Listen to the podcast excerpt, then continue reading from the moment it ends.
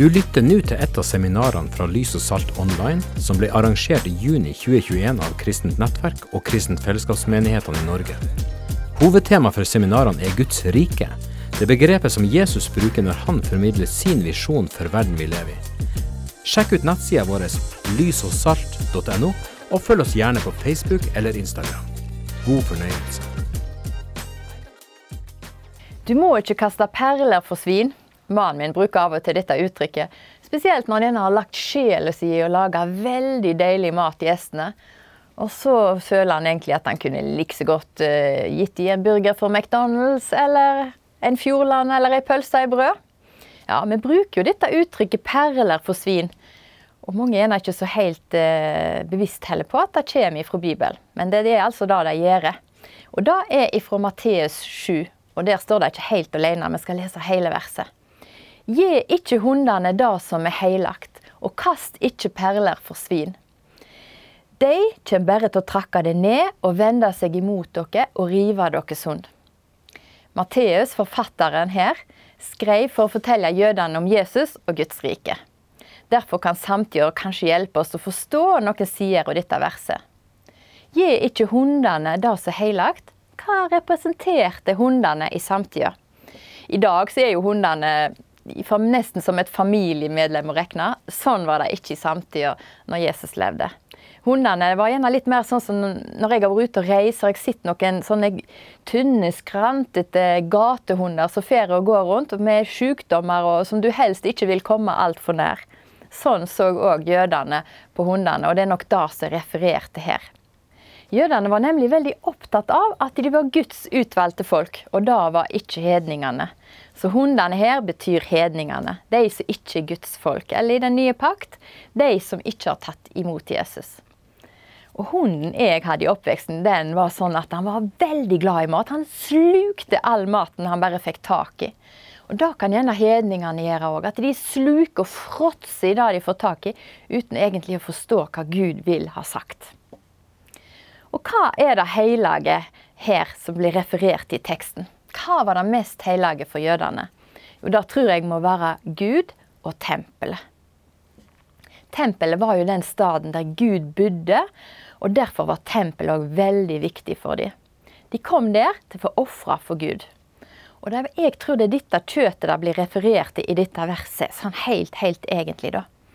For de setter til sides det beste, det fineste kjøttet til Gud, for da ville de ofre til han. De brukte ofte ordet førstegrøden. Det første de sanka inn, da ville de gi. Og da var det fineste kjøttet. Og da kjøttet må en jo ikke gi til hundene. Det vil være å spotte Gud. Ordet heilag kan òg beskrives som adskilt. Og her kommer dette med Guds rike inn igjen. Da. Det er noe som er adskilt til Guds rike. Det er adskilt fra alt annet. Er ikke i samme liga, vil kanskje en skikkelig fotballentusiast si. Så tilbake til ordet igjen. Kast ikke perler for svin. Svin var i samtid regna som et helt ureint dyr. Og her har vi kontrastene. For perler var jo det fineste, det mest kostbare, kostelige en kunne tenke seg. Og da er det en flott tekst fra Matteus 13 som forklarer oss om det. Himmelriket, eller Guds rike, er likt en kjøpmann som lette etter fine perler. Og der fant han ei sjelden og vakker, kostelig perle. Da gikk kjøpmannen bort og solgte alt han eide for å kjøpe den. Guds rike er som denne perla.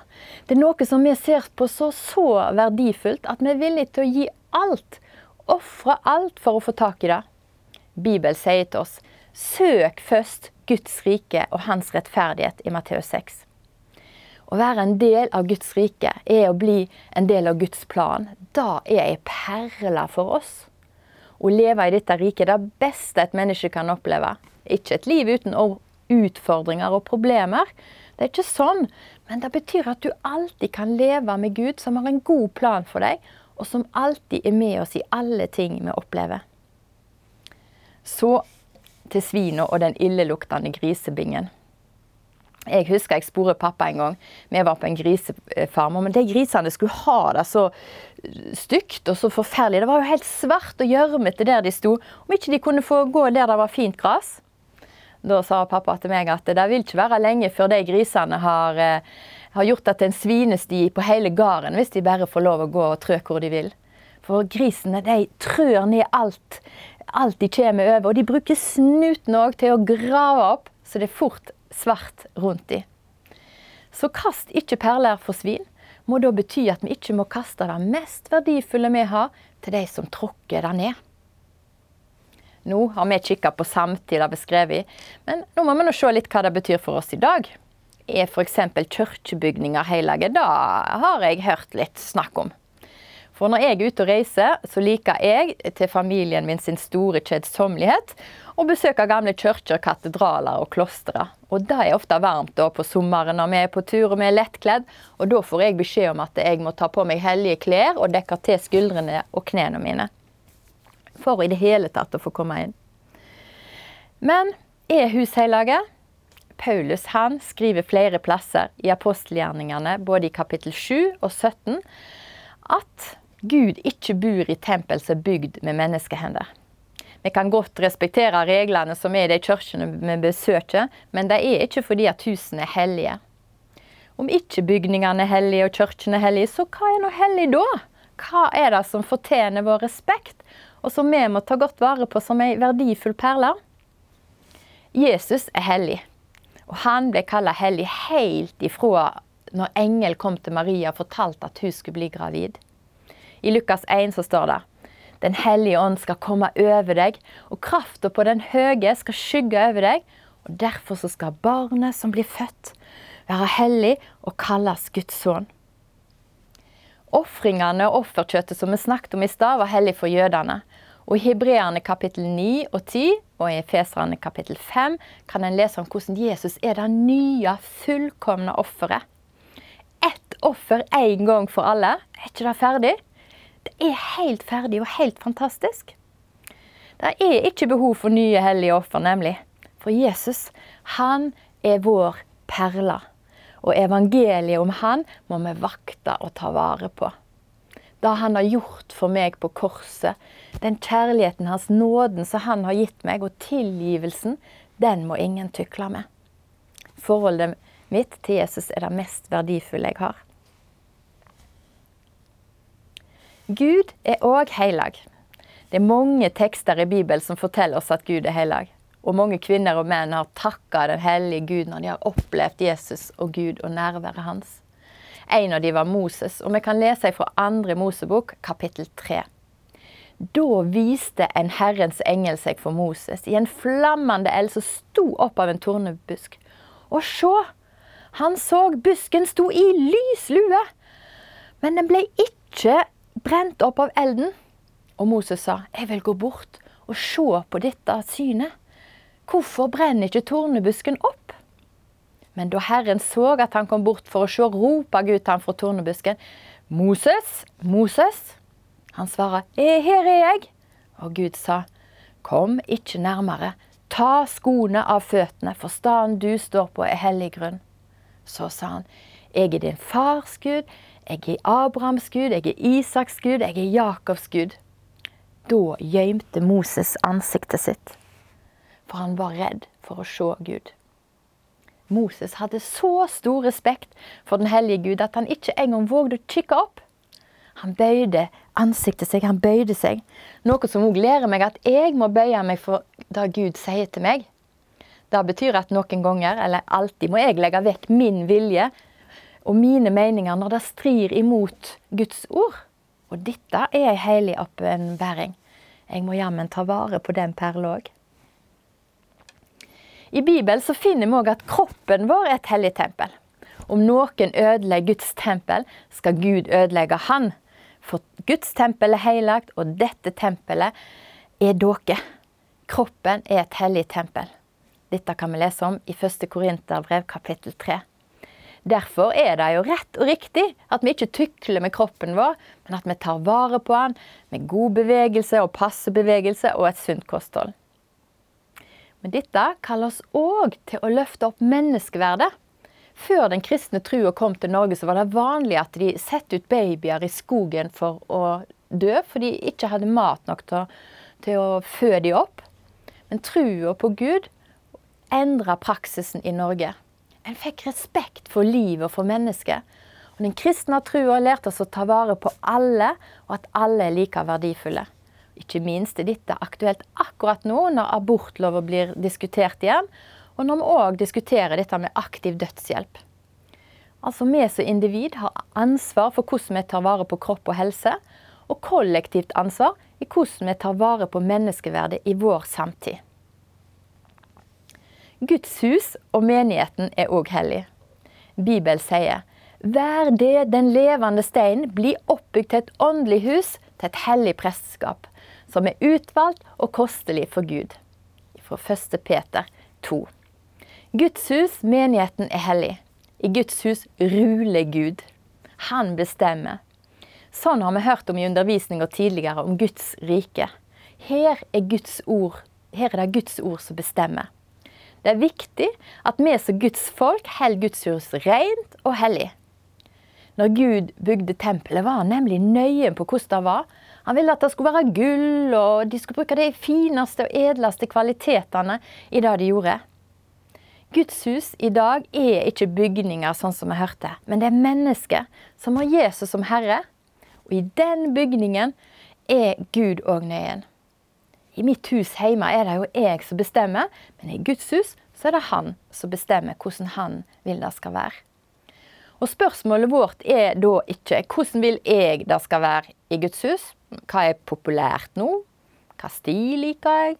Passer det for meg og for mine unger? Er det noen på min alder her? Nei. Spørsmålet vi heller bør stille oss er hvordan vil Gud det skal være i hans hus og i hans menighet? Det er heldigvis stor takhøyde, og ikke minst er det stort hjerterom òg i Guds hus. Men vi må alltid vakte Guds hus og passe på at det er han som setter normene. Menigheten er ei sånn vakker perle. Bibelen òg omtaler seg sjøl som Guds ord og Det hellige skrifter mange mange ganger. Vi kan bl.a. lese i 2. Timoteus kapittel 3. Men hold du fast på det du har lært og det du har overtyd om. Og helt fra du var et lite barn, ble du kjent med de hellige skriftene, som kan gi deg visdom til frelse ved trua på Jesus Kristus. Hver bok i Skrifta er innanda av Gud, så da mennesker som hører Gud til, kan bli fullt utrusta til all god gjerning.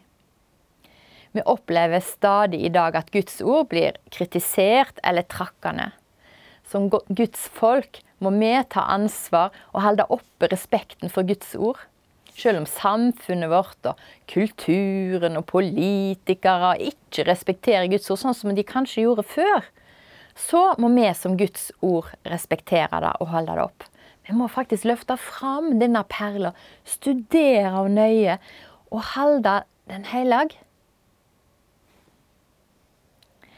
Det kristne òg er hellige, skriver Bibelen, og vi som er kristne skal leve et hellig liv.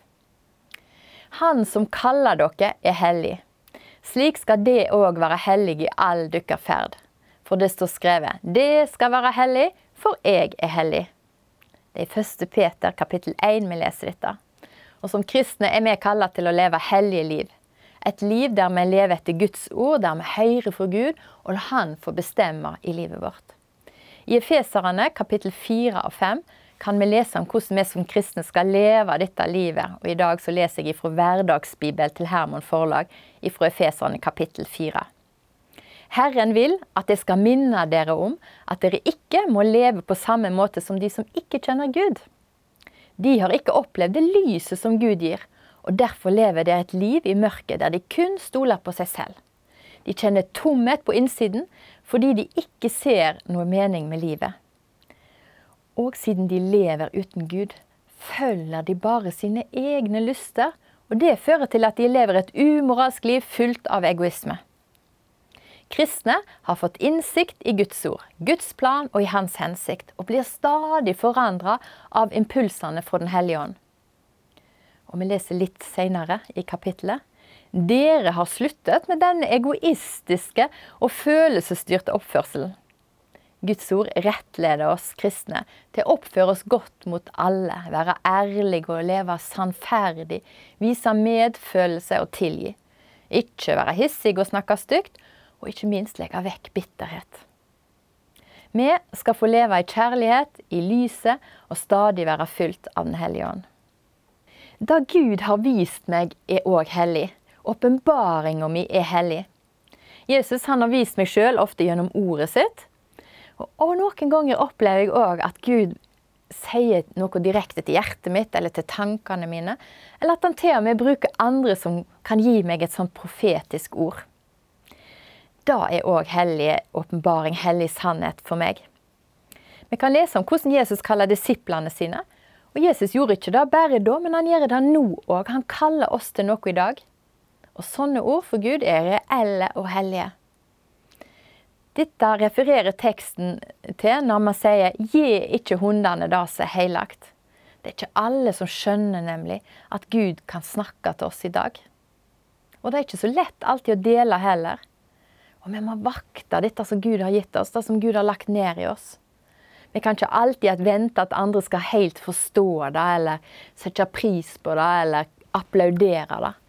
Men det er ei perle som vi må vakte, sånn at ikke grisene tråkker det ned. Så et spørsmål jeg har tenkt litt på. Betyr dette at vi ikke skal dele evangeliet med de som ikke tar imot det? Hmm. Misjonsbefalinga ber oss i hvert fall å gå ut i hele verden og dele evangeliet i Matteus 28. Så vi må jo bare gjøre det, selv om ikke alle tar imot det. Mange ganger kan en eh, oppleve at de ikke vil høre på, eller ikke vil ta imot. Men Matteus lærer oss hva en disippel skal gjøre i Matteus 10. Han skriver Er det noen som ikke vil ta imot dere, og ikke vil høre budskapen deres, da skal dere gå bort ifra det huset, ifra den byen, og riste støvet av føttene deres. En annen side er at det hellige nærværet og Jesus bare kan oppleves som de som tror. Dersom det hellige nærværet skal oppleves eh, av andre, så blir det jo bare skildra helt på menneskelig plan. Og da tenker jeg av og til på læreplanene på skolen i kristendomsfaget. Der er de veldig opptatt av at elevene skal lære om kristne gudshus og veldig mange symboler i gudshus og fester og klær og alle mulige rare ting. Hva farge presten har på pynten sin, f.eks. Men da blir det et sånt ytre fokus på innpakningen, og egentlig ikke på det indre livet med Gud. Og dette må vi virkelig passe på, at det ikke blir trakka ned. Skal jeg oppsummere litt, da? så må vi altså vakte oss for at vi ikke gir vekk eller skusler bort, eller at vi ikke setter pris på det fineste Gud har gitt oss. Å få lov å kjenne Jesus og bli en del av Guds rike er den flotteste perla noen kan gi oss.